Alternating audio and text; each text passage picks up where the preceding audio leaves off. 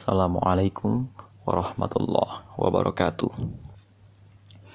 Rekan-rekan sekalian, ini sekarang kita akan membahas satu sosok yang siapa sangka sosok ini kira-kira 100 tahun yang lalu dilahirkan 103 tahun yang lalu gitu ya dilahirkan. Ternyata sosok ini akan mengubah dunia. Siapa sangka bahwa ternyata sosok ini sukses puluhan tahun ke depan membuat anak-anak muda yang tidak tahu harus bagaimana dengan agamanya, yang tidak tahu harus bagaimana menghadapi konstelasi politik dan konstelasi ekonomi global, harus menemukan pelabuhannya. Kalau hari ini kita mengenal satu cara beribadah atau satu cara belajar giroh atau belajar agama dengan kelompok-kelompok kecil yang memenuhi masjid-masjid dengan kelompok-kelompok kecil yang di situ kita menemukan satu keluarga yang dengan sukarela menanyakan ibadah kita, dengan sukarela menanyakan kabar kita, bahkan membantu kita dengan alasan ukhuwah. Maka tak lain tak bukan, atas ilham Allah kepada dirinya lah kelompok-kelompok kecil yang kita sebut dengan halakoh itu ada.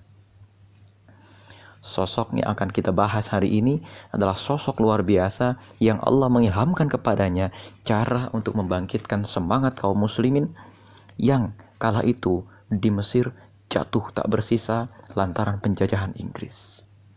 Sosok ini adalah Hasan al-Banna.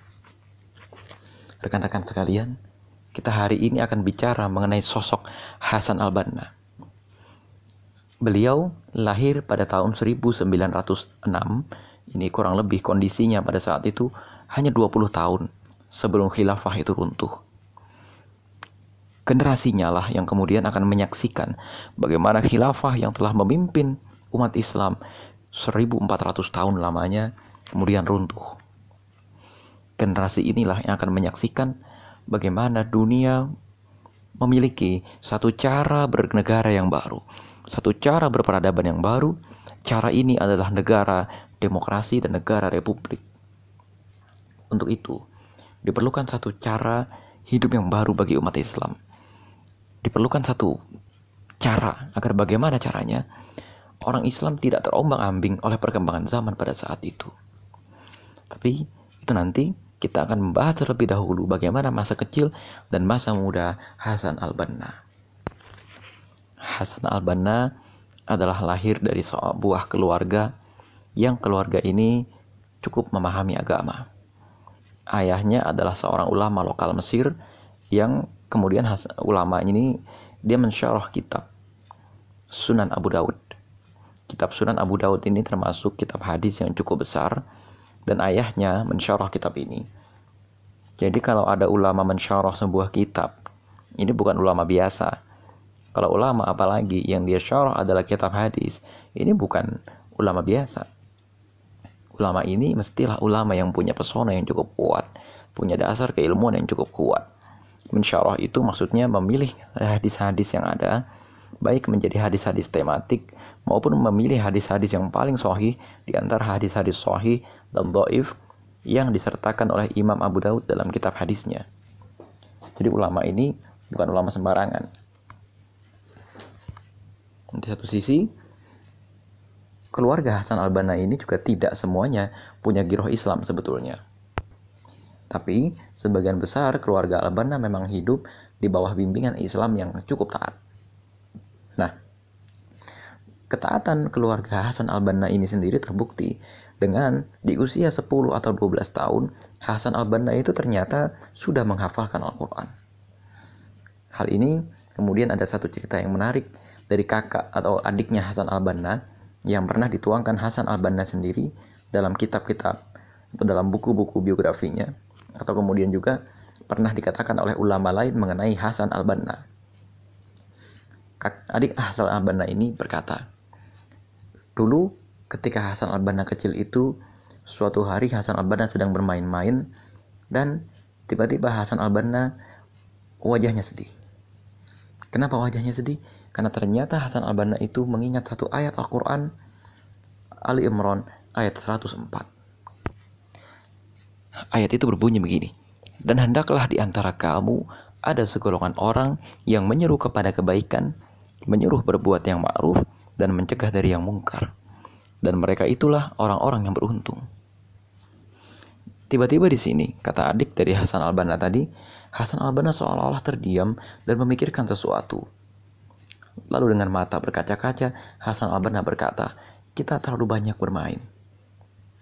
Akhirnya Hasan Al-Banna dengan sikap yang seperti itu tumbuh dengan baik sebagai seorang remaja. Kemudian kita masuk ke masa remajanya, Hasan Al-Banna ini sebetulnya mungkin gitu ya, ini mendapatkan pengaruh juga dari orang tuanya. Karena orang tuanya adalah seorang ulama, barang tentu banyak orang yang ulama juga bertamu ke rumah orang tuanya. Dan di sini sensitivitas Hasan Al-Banna kepada permasalahan umat itu muncul. Jadi dari sini kalau kita memang mau mengader gitu ya, mengkader anak-anak yang akan menjadi ulama, Di sinilah pentingnya untuk kita menjadi orang tua yang menghadirkan pengalaman seperti itu kepada anak kita. Kita tidak mungkin bisa mengkader seorang anak yang akan menjadi ulama kalau anak ini di masa emas pertumbuhannya tidak punya akses kepada apa yang akan menjadi solusi bagi umat. Atau dia tidak mengetahui masalah utama dari umat itu bagaimana. Di masa kecilnya, Hasan al-Banna itu sangat mengetahui masalah umat lantaran tamu-tamu dari orang tuanya dan bahkan mungkin juga orang tuanya adalah bagian dari barisan orang-orang yang berjuang untuk menyelesaikan masalah umat.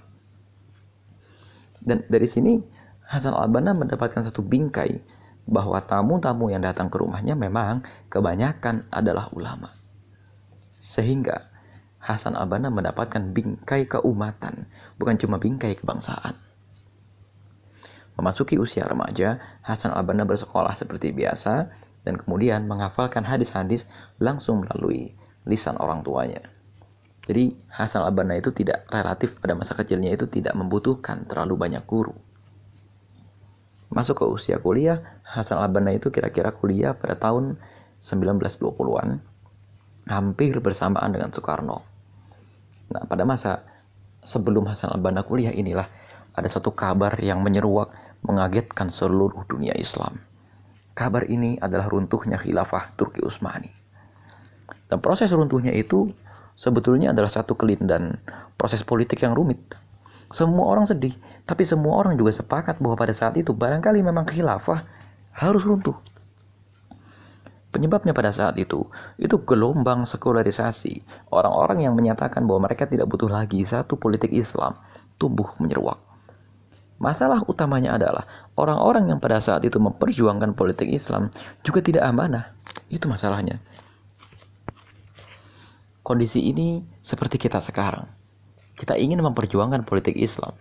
Tapi yang jadi masalah, meskipun semua orang yang menjabat mayoritas adalah orang Islam, atau meskipun secara politik negeri kita ini tidak memerangi Islam, tapi kemudian orang-orang yang menjabat ataupun juga lembaga-lembaga negara Islam itu belum bisa menyebarkan keadilan dan menyebarkan kebaikan di tengah-tengah masyarakat. Pada saat itu, hadirnya khilafah ternyata tidak menyebabkan tersebarnya keadilan. Karena yang pertama, pemimpin itu lemah. Yang kedua, masyarakat sendiri mulai tercerabut dari akarnya yaitu Al-Quran. Artinya mungkin di satu titik oke okay, pemerintahan Islam tegak, tapi yang jadi persoalan, di tengah-tengah masyarakat, ajaran Islam itu sendiri tidak dipahami. Atau yang kedua, moral di tengah-tengah masyarakat itu jatuh melorot, melorot, dan terus melorot. Sementara, ini yang terjadi pada masa muda Hasan al-Banna adalah ulama-ulama itu sibuk bertengkar pada masalah fikih dan sibuk bertengkar pada bagaimana kita ini masuk ormas yang mana. Inilah yang terjadi pada masa Hasan al-Banna masih muda. Dan ini kemudian ketika Hasan al-Banna masuk ke kampus, terjadi perubahan besar-besaran pada dirinya. Dari orang yang sebelumnya agak pasif, artinya orang ini tidak tidak ikut kelompok mana-mana, Hasan al-Banna kemudian secara aktif ikut ke dalam berbagai kelompok. Ya, ikut dalam berbagai jamaah yang ada pada saat itu. Di antaranya adalah jamaah Makarimal Akhlak. Jamaah Makarimal Akhlak ini ke mana-mana itu menyebarkan ajaran bagaimana agar kita secara Islam berakhlak yang baik memerangi perzinahan, memerangi prostitusi, memerangi narkoba dan lain-lain. Pada saat itu candu, gitu ya. Memerangi akhlak-akhlak yang buruk. Hasan al-Banna sendiri menceritakan bahwa pada saat itu pornografi dan porno aksi menyebar luas. Nah, sampai pada titik ini, Hasan al-Banna cepat diterima oleh masyarakat. Karena pada saat itu Hasan al-Banna biasa ceramah dari tempat ke tempat. Hanya saja pada saat itu Hasan al-Banna sendiri mengakui ini belum luas. Nah, di satu sisi, gitu ya. Kemudian ketika khilafah itu runtuh, akhirnya dengan kondisi yang seperti tadi, masyarakat relatif nggak peduli. Oke okay lah, di satu satu kalangan masyarakat ada yang kecewa sekali tapi mereka sendiri juga pesimis. Sama seperti kita sekarang, pesimis. Dan kemudian Hasan al-Banna di tengah-tengah fase yang seperti itu, dia tidak diam. Dia bergabung ke dalam rupa-rupa organisasi Islam. Selain bergabung ke dalam organisasi Islam seperti Jamaah Makarimal Akhlak, Hasan al-Banna juga bergabung ke dalam tarekat. Di antaranya adalah tarekat Hasufiyah.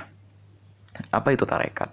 Tarekat itu adalah satu gerakan yang dipimpin oleh seorang syekh yang tujuannya itu mencari hakikat Tuhan mengenal Tuhan atau mencari kenikmatan dalam beragama, tapi tidak dijangkau melalui kajian-kajian fikih. Tapi jangkauannya adalah melalui semacam cara-cara atau tata cara yang tidak logis bagi manusia. Di antaranya adalah memperbanyak zikir dan memperbanyak doa. Tarekat Hasufiyah itu bukan tarekat yang sesat. Tapi kemudian tarekat ini hanya mengutamakan bagaimana mencari pemahaman mengenai Tuhan bukan dari jalan-jalan fikih. Nah, kemudian pada tahun kira-kira 1927, Hasan al-Banna mulai meluaskan lagi dakwahnya. Tahun 1927 inilah Hasan al-Banna itu kemudian ini sudah agak menjadi tokoh gitu ya. Karena pergerakannya tadi, tapi belum dianggap berbahaya. Hasan al-Banna itu sering gitu ya datang ke perkumpulan-perkumpulan orang gitu ya. Tapi kemudian Hasan al-Banna ini merasa nggak efektif. Kenapa? Karena begini, jadi Hasan al-Banna itu datang ke kelompok orang yang sudah ngaji. Itu masalahnya. Banyak di antara kita datang ke tempat orang-orang yang sudah ngaji. Jadi seolah-olah tampaknya dia sudah berdakwah, tapi sebetulnya dakwahnya itu hanya menjaga orang yang sudah soleh, menjaga orang yang sudah solehah, tapi belum ke arah masyarakat yang belum tersentuh sama sekali.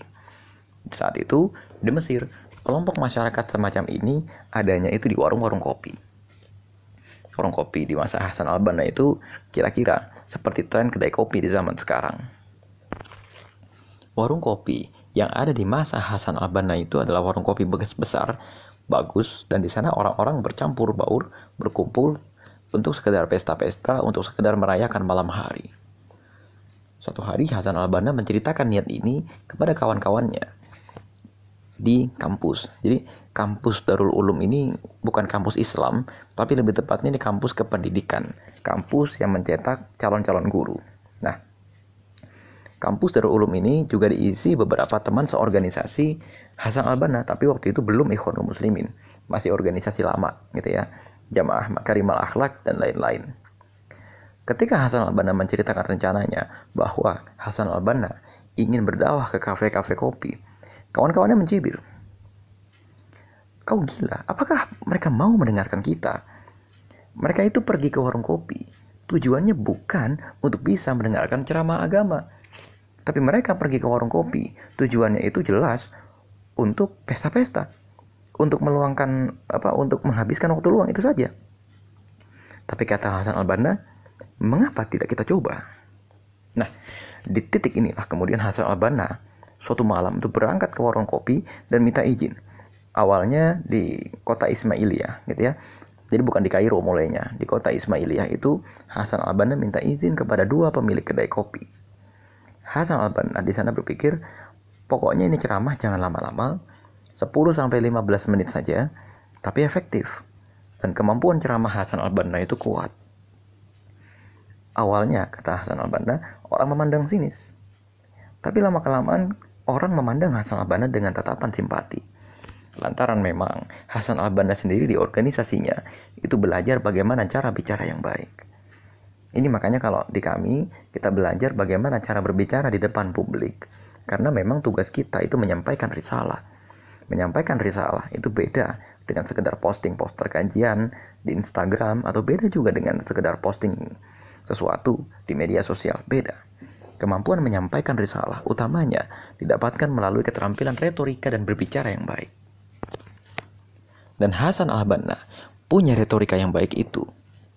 Kalau Rasulullah itu salah satu mujizat yang dipunyanya adalah Jawa mi'ul kalim. kalimat yang singkat, padat, jawami itu ya, mengandung banyak makna. Tapi kalimat itu efektif, langsung menusuk ke dada lawan dan maknanya itu jelas. Sehingga orang yang mendengarkannya itu bisa menghitung kata per katanya dan tidak tidak kemudian tidak cadel, tidak kelibet. Gak terbata-bata. Ini yang kemudian kurang disadari oleh orang-orang pada zaman sekarang. Bahwa kemampuan dakwah yang penting itu adalah kemampuan bicara. Dan ketika dia diminta punya kemampuan bicara yang baik, barang tentu ini muncul dari kemampuan rohani yang baik. Jadi gini, kadang kita nggak sadar gitu ya bahwa yang menyampaikan risalah ke dalam hati manusia atau yang menyampaikan hidayah ke dalam hati manusia itu bukan kita tapi Allah dan pada saat itu bayangkan betapa dekatnya hatinya Hasan al-Banna itu dengan Allah. Sehingga ketika dia berbicara, orang terpanggil gitu loh. Ketika dia berbicara, Allah yang memanggil dia ke dalam jalan pertaubatan, Allah yang memanggil dia ke dalam jalan hidayah. Sehingga suara yang dia dengar itu bukan suara Hasan al-Banna, tapi suara panggilan hidayah. Nah inilah yang kemudian harus kita cari tahu. Jadi amalan Hasan al-Banna itu saat itu gimana sih? Sholat lima waktu jelas. Sholat sunnah jelas.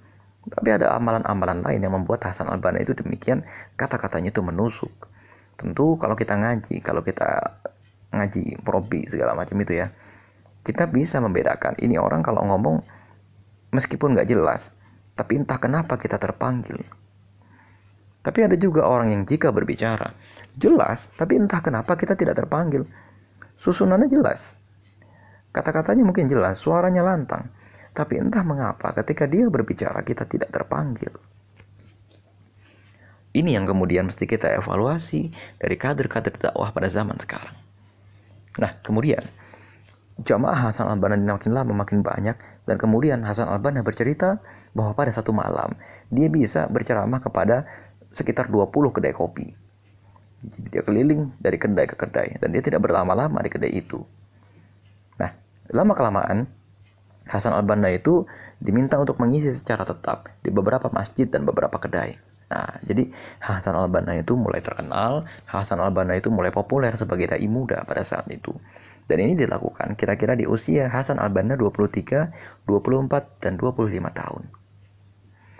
Nah, suatu ketika Hasan al-Banna itu pergi ke daerah-daerah dan orang-orang tidak menyangka bahwa ketika dia mengundang seorang syekh namanya Hasan al-Banna, orang akan berhadapan dengan seorang pemuda yang bahkan usianya belum 25 tahun.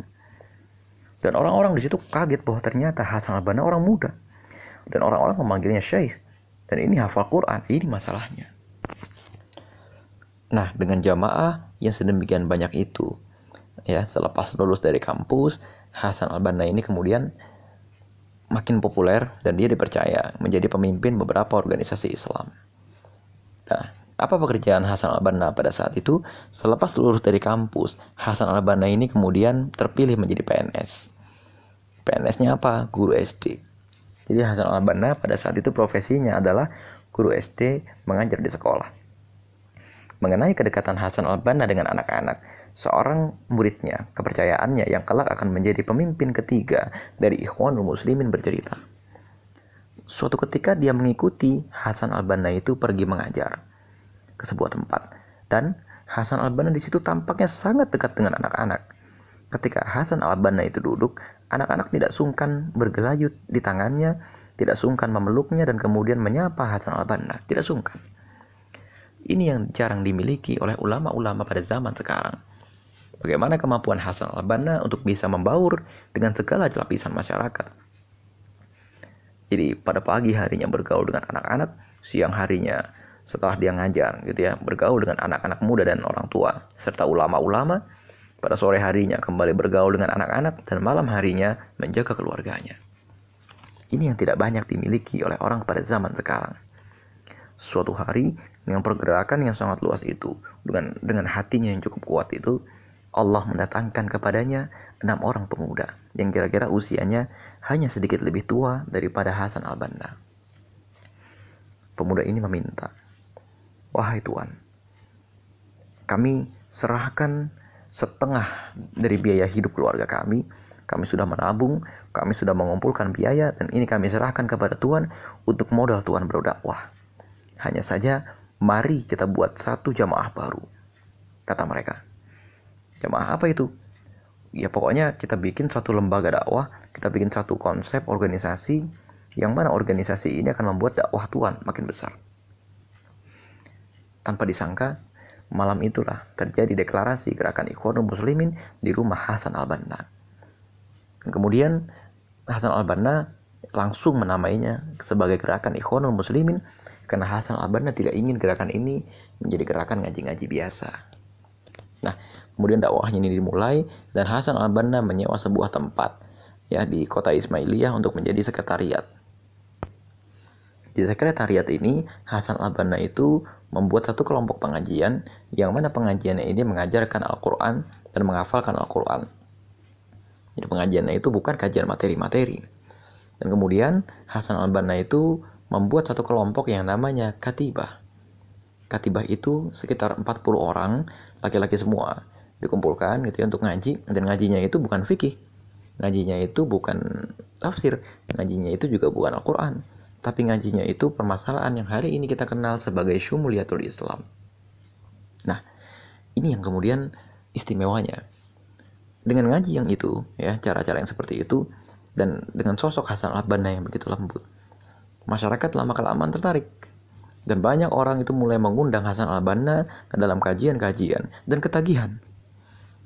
Nah, dengan ketagihan itu hasilnya Hasan al-Banna mulai mendirikan cabang yang sempat tercatat pada tahun 20-an itu ya sampai kira-kira tahun 30 Hasan al-Banna mendirikan empat cabang. Dan empat cabang ini didirikan oleh masyarakat secara swadaya dan basisnya bukan kampus. Jadi basisnya masyarakat. Jadi Hasan al-Banna ini tidak membatasi dakwahnya itu hanya pada level kampus. Kalau sekarang banyak aktivis yang hanya matang di level kampus. Tapi kemudian betapa aktivis-aktivis dakwah ini kemudian gagap atau kehilangan narasi ketika berhadapan langsung ke tengah-tengah masyarakat. Tapi Hasan al-Banna berbeda. Dia langsung gitu ya ke tengah-tengah masyarakat dan kemudian masyarakat menerima baik dakwahnya. Ada satu kisah yang menarik. Saking ulama pada saat itu senang berdebat persoalan fikih, senang berdebat persoalan hal-hal yang furu. Ya. Jadi Hasan al-Banna itu suatu ketika jamaahnya itu ngetes. Ngetesnya itu gimana? Ngetesnya itu jamaah ini yang juga seorang ulama ternyata nanya, Wahai Syekh, itu kan katanya.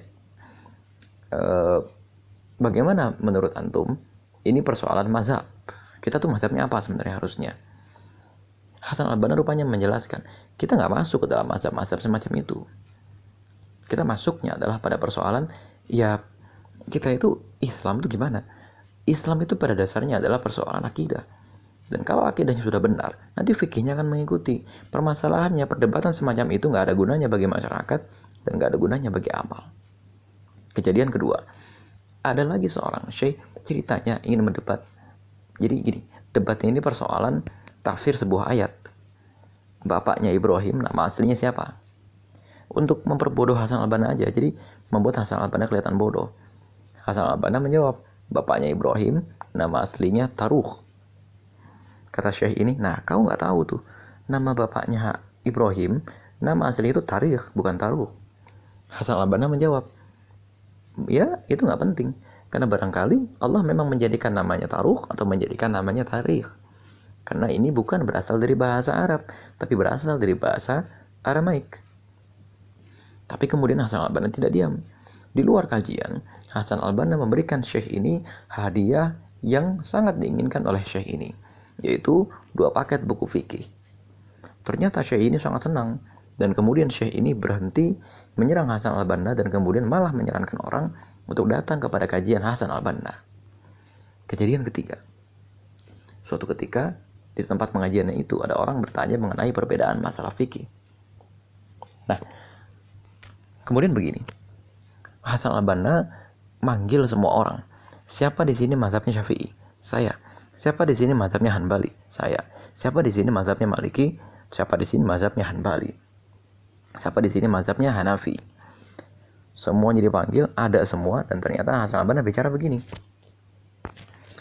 Kalian semua berbeda. Tapi ketika kalian sholat, terus imamnya beda sama kalian, mau nggak? Mau, kata mereka. Terus ini mengakibatkan kekafiran nggak perbedaan ini? Dan kalau emang ternyata kalian berbeda semacam ini, Islam jadi berubah nggak dari aslinya? Enggak. Oke kalau begitu kata asal Albana, gak usah mikirin perdebatan-perdebatan semacam ini. Nah ini kemudian jadi Hasan Albana itu sudah meletakkan semacam frame atau manhaj bahwa ikhwan muslimin itu nggak fokus sama itu semua. Kata Hasan Albana ya silakan anda mengaji kepada syekh mana, silakan anda mengaji kepada syekh ini syekh itu. Tapi di ikhwan muslimin anda nggak nggak usah membawa masalah perbedaan fikih semacam itu. Nggak usah gara-gara kalau zaman sekarang ada cingkrang anda nggak cingkrang, anda bercadar anda nggak. Anda misalnya ngajinya dengan cara apa, kita ngaji dengan cara apa. Masalah bid'ah, oke. Okay. Memang ada bid'ah yang dilarang, ada juga bid'ah yang kemudian bid'ah ini tidak dilarang, tapi hanya dihilangkan pelan-pelan. Tapi kata Hasan al-Banna, jangan sampai hal ini kemudian malah menyebabkan perpecahan di tengah-tengah umat. Karena nama jamaah kita itu ikhwanul muslimin persaudaraan orang-orang muslim. Jadi Hasan al-Banna melihat runtuhnya satu peradaban itu rata-rata disebabkan oleh perdebatan-perdebatan tidak perlu semacam ini. Nah, mengenai topik ini, mari saya jelaskan pelan-pelan. Ya. Imam Ghazali pada tahun 1200-an itu menganalisis proses runtuhnya khilafah Islam. Karena saat itu khilafah runtuh diserbu orang-orang Mongol. Ternyata pada saat itu ulama tuh banyak Ulama pada saat itu ahli madhab itu banyak. Dan mereka saling berdebat. Gimana tata cara sholat yang benar. Dan ilmu fikih itu mencapai puncaknya. Ilmu hadis mencapai puncaknya. Karena puncak sebuah ilmu itu bukan gara-gara ada ilmunya, tapi gara-gara ada ulamanya. Di sini yang jadi persoalan adalah kata Imam Ghazali. Oke ulama banyak, tapi perdebatan-perdebatan mereka itu tidak bermanfaat untuk masyarakat perdebatan-perdebatan mereka itu hanya menjauhkan orang dari dari dari politik, hanya menjauhkan orang dari upaya-upaya mempertahankan Darul Islam sehingga ketika Darul Islam itu diserbu, bahkan orang tuh masih sibuk bicara ini saya siapa, ini saya siapa gurunya. Yang kurang pada saat itu adalah perdebatan fikih yang sedemikian tinggi tidak mengakibatkan uhwah pada saat itu menjadi hebat, kuat. Ini kemudian ternyata terulang pada masa Hasan al-Banna Betapa di tahun 1800-an, di tahun 1900-an awal, ulama ahli fikih itu banyak sekali. Sangat-sangat banyak. Tapi kemudian lahirnya ulama-ulama fikih ini tidak mengakibatkan ukhuwah masyarakat itu bertambah. Maka ciri khas jamaah ikhwanul muslimin yang didirikan oleh Hasan al-Banna itu adalah rukun ukhuwah. Ta'aruf, saling mengenal. Tafahum, saling memahami. Dan takaful, saling berbagi ini yang kemudian nggak dipahami gitu loh. Dan kemudian ini nanti akan berulang terus penyebabnya. Seperti zaman sekarang. Hanya karena perbedaan fikih sedikit orang langsung mengklaim oh, itu wahabi itu begini begini begini. Dan anda nggak usah nanya wahabi itu apa bang? Nggak perlu. Sekarang ente lihat aja orang ini amalnya apa? Amal itu dalam konteks bukan cuma pada persoalan ibadah. Karena fikih itu bisa dicari. Orang yang berkeyakinan isbal itu wajib ya bisa dikalahkan juga kalau orang yang berkeyakinan bahwa isbal itu haram. Ada juga orang yang berkeyakinan bahwa kata sayyidina itu bid'ah. Ada juga yang berkeyakinan bahwa kata sayyidina dalam sholat itu boleh. Masing-masing punya dalil. Nggak akan bersatu. Dan apakah kalau anda berhasil menyelesaikan pertikaian itu muruah umat Islam akan naik? Atau misalnya anda akan berhasil mengusir orang-orang Cina yang sekarang menjajah negeri kita dari Indonesia Sebagaimana pada saat itu, orang-orang Inggris menguasai Mesir. Orang-orang sibuk berdebat masalah fikih, sementara Inggris menguasai Mesir. Ini yang kemudian oleh Hasan al-Banna itu dibangkitkan. Ya, maka di titik inilah Hasan al-Banna itu menciptakan berbagai macam aspek dan asas. Di antara asas yang diciptakan oleh Hasan al-Banna adalah Arkanul Bai'ah. Dari Arkanul Bai'ah nanti Al-Fahmu itu yang pertama diturunkan menjadi usul Ishrin Memang jamaah ikhwanul muslimin itu awalnya nggak ngomongin politik. Jamaah ikhwanul muslimin awalnya ngomongin perbaikan di segala lini masyarakat. Termasuk di antaranya politik, ekonomi, sosial, ada peradaban, dan lain-lain. Usul Isrin, ya, ini dasar yang diciptakan oleh Hasan al-Banna. 20 asas keislaman. 20 asas keislaman ini adalah jawaban Hasan al-Banna atas tantangan zaman yang pada saat itu, zaman itu butuh jawaban. Ini gimana? Peradaban Islam itu obatnya apa? Hasan al-Banna tidak menjawabnya dengan bikin parpol, dengan bikin organisasi saja. Tapi Hasan al-Banna menjawabnya dengan satu risalah yang jelas. Risalah itu dinamakan sebagai usul isrin. 20 asas. Nah, coba nanti teman-teman cari 20 asas. Ya. isinya itu banyak. Usul Isrin sebagai produk pemikiran dari Hasan al-Banna ini tampaknya hadir kira-kira 10 tahun setelah jamaah Ikhwanul Muslimin terbentuk. Jadi setelah jam terbang dakwah Hasan al-Banna itu banyak. Ini kira-kira dilahirkan oleh Hasan al-Banna kira-kira saat usia Hasan al-Banna 35 tahun dan Hasan al-Banna memahami betul bagaimana proses runtuhnya orang, bagaimana proses runtuhnya umat Islam. Jadi Hasan al-Banna ingin menyatukan semua umat Islam Nah, kira-kira itulah gitu ya. Sosok Hasan al-Banna awalnya itu bagaimana dan bagaimana proses perjuangan beliau sampai mendirikan jamaah Ikhwanul Muslimin. Nah, dari katibah tadi, ya kemudian ternyata Hasan al-Banna merasa kelamaan ini nggak cukup. Jadi katibah tuh awalnya gimana sih? Pengkaderan Ikhwanul Muslimin itu awalnya bukan liko, tapi bikin yang namanya katibah. Katibah itu 40 orang digabungkan jadi satu dan dikasih materi tadi. Kira-kira materinya itu berjalan setahun dan setelah setahun mereka diminta membuka katibah yang baru. 40 orang itu banyak gitu ya. Dan kemudian ternyata lama-kelamaan bagi pemerintah mereka ini dianggap berbahaya. Kenapa berbahaya? Karena mereka bisa mengumpulkan massa. Dan jelas ada organisasi Islam pada saat itu di antaranya Syubbanul Muslimun dan lain-lain gitu ya yang merasa ini umatnya diambil jamaah mereka diambil gitu loh ini wajar. Karena pada saat itu begini.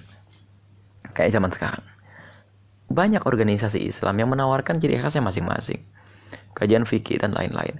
Tapi fenomenanya adalah ada orang yang nggak peduli. Ya lu mau organisasi mana? Anda mau organisasi mana? Kamu mau organisasi mana? Mau NU kayak Muhammadiyah kayak mereka semua ikut kajian-kajian itu. Di YouTube, mereka ngaji kepada Ustadz Abdul Somad, Khalid Basalamah, yang jelas-jelas organisasi mereka ini bertentangan. Tapi, mereka butuh satu sarana amal, mereka disatukan dengan satu sarana amal. Gitu loh, amal mereka tuh banyak. Menyelamatkan lingkungan, ya, ya menyelamatkan orang-orang miskin, pembangunan daerah tertinggal, dan lain-lain. Orang mulai sadar perbedaan fikih itu nggak ada dampaknya gitu loh kepada peradaban. Akhirnya apa? Ikhwanul Muslimin pada saat itu populer lantaran itu. Ngapain kita ngurusin perbedaan fikih? Ngapain kita mendalam-dalamkan urusan fikih? Kalau ternyata ujung-ujungnya itu nggak ada dampaknya kepada peradaban. Nah, ini masalah katibah. Lama-kelamaan, apa yang digarap oleh Ikhwanul Muslimin itu memang bersinggungan dengan politik. Karena mereka melihat memang ada beberapa aspek adab, moral, etika dalam berkehidupan yang rusak lantaran kebijakan-kebijakan pemerintah. Akhirnya pemerintah bersikap keras dan represif kepada jamaah ikhwanul muslimin. Beberapa aset-aset mereka disita, sama seperti FPI dan HTI zaman sekarang atau kami zaman sekarang yang dianggap radikal. Kemudian mereka itu hampir saja dibubarkan dan Hasan al-Banna tidak lagi bisa melaksanakan katibah-katibah itu. Dan agar efektif, akhirnya Hasan al-Banna membuat satu cara ngaji yang membuat semua orang bisa terhubung. Caranya adalah 6 sampai 12 orang yang rumahnya berdekatan itu harus punya satu guru ngaji. Satu guru ngajinya ini dari anggota Ikhwanul Muslimin. Namanya berubah menjadi usroh. Usar gitu ya. Dan Hasan al-Banna untuk ini membuat satu karangan tersendiri namanya Nizamul Usar.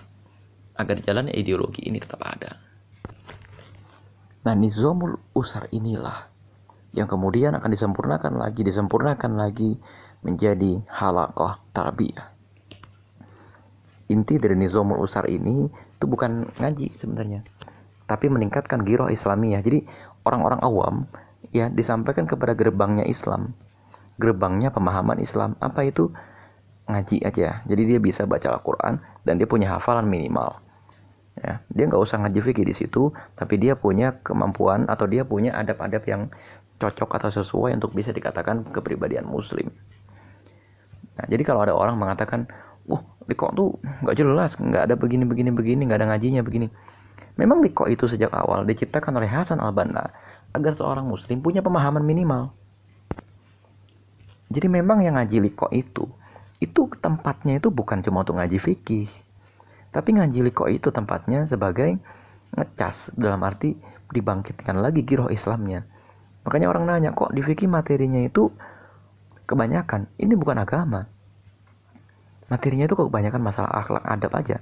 Materinya masalah jangan pacaran jangan VMG jangan begini jangan begitu. Terus kebanyakan justru menitik beratkan gitu ya kepada uh, urutan-urutan likonya bukan kepada materi likonya kan urutan liko itu apa aja sih? Saling menanyakan kabar itu namanya kodoya. Sehingga kalau ada kader-kadernya itu punya satu problematika yuk selesaikan bersama. Kan ukhuwah di situ mainnya. Yang kedua ini masalah akbar dunia Islam kader-kadernya itu dibuat melek dengan kabar dunia Islam. Yang ketiga hafalan minimal. Nah, kader-kader saling menyetorkan hafalan. Ya kayak gini ada nggak di ngaji tablik? Nggak ada. Karena selain orang yang lebih banyak syekhnya juga mungkin barangkali tidak memperhatikan satu persatu jamaahnya.